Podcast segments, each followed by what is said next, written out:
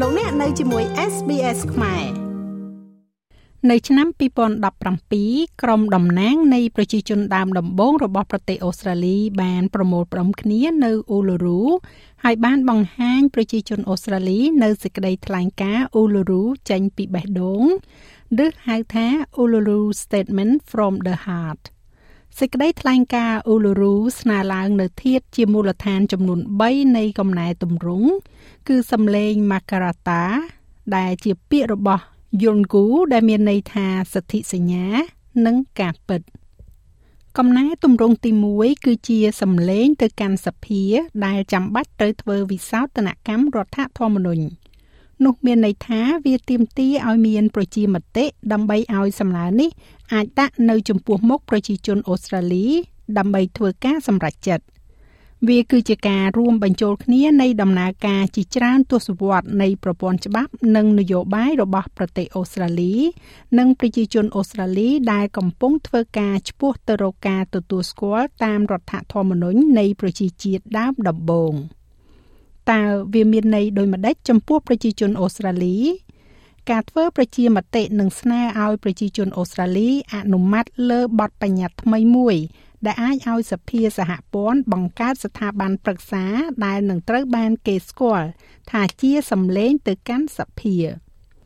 ដ្ឋធម្មនុញ្ញរបស់ប្រទេសអូស្ត្រាលីដែលចូលជាធរមាននៅថ្ងៃទី1ខែមករាឆ្នាំ1901 មិនទទួលស្គាល់ការកាន់កាប់និងការថែរក្សាទឹកដីពីមុនរបស់ជនជាតិដើមភាគតិច Aboriginal ឬអ្នកកោះ Torres Strait នោះទេ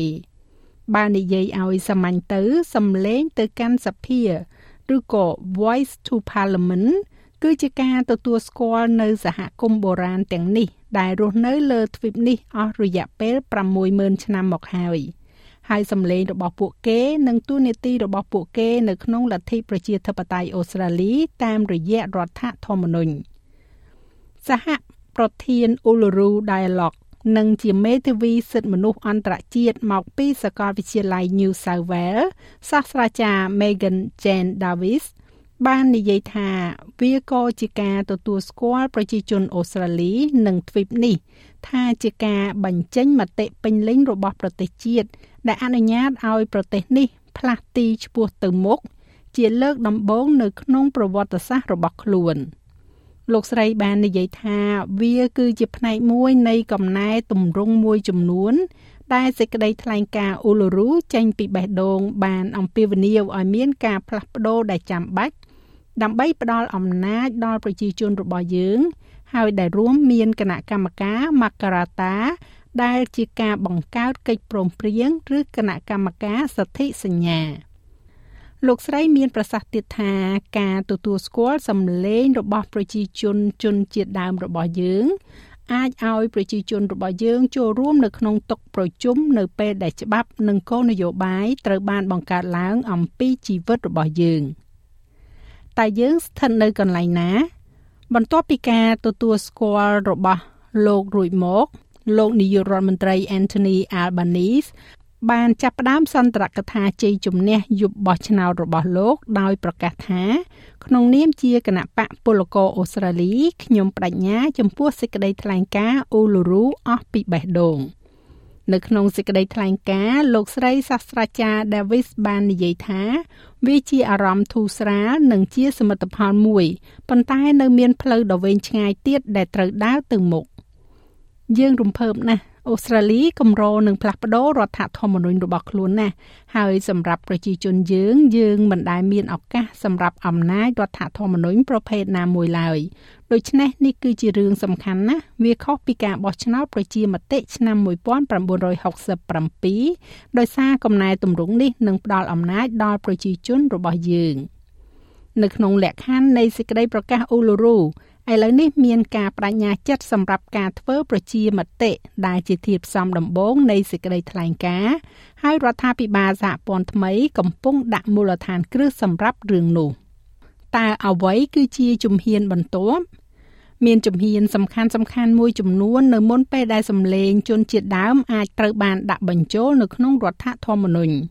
ជាមួយនឹងការការពារដោយរដ្ឋធម្មនុញ្ញសម្លេងនេះនឹងមាននិរន្តរភាព និងជាប់លាប់បានល្អហួសពីពេលកំណត់នយោបាយមានន័យថាការពង្រឹងអំណាចជនជាតិដើមភាគតិចនិងការចូលរួមយ៉ាងសកម្មនៅក្នុងជីវិតប្រជាធិបតេយ្យរបស់ប្រទេសជាតិមិនអាស្រ័យលើគណៈបកនយោបាយដែលកាន់អំណាចនោះទេ រដ្ឋាភិបាលចម្រុះកាលពីមុន មានបំណងធ្វើច្បាប់សម្លេងប៉ុន្តែគ្មានគម្រោងដាក់បញ្ចូលក្នុងរដ្ឋធម្មនុញ្ញនោះទេ ហើយប្រសិនបើសម្លេងត្រូវបង្កើតជាច្បាប់ វាអាចនឹងត្រូវលុបចោលវិញបាន។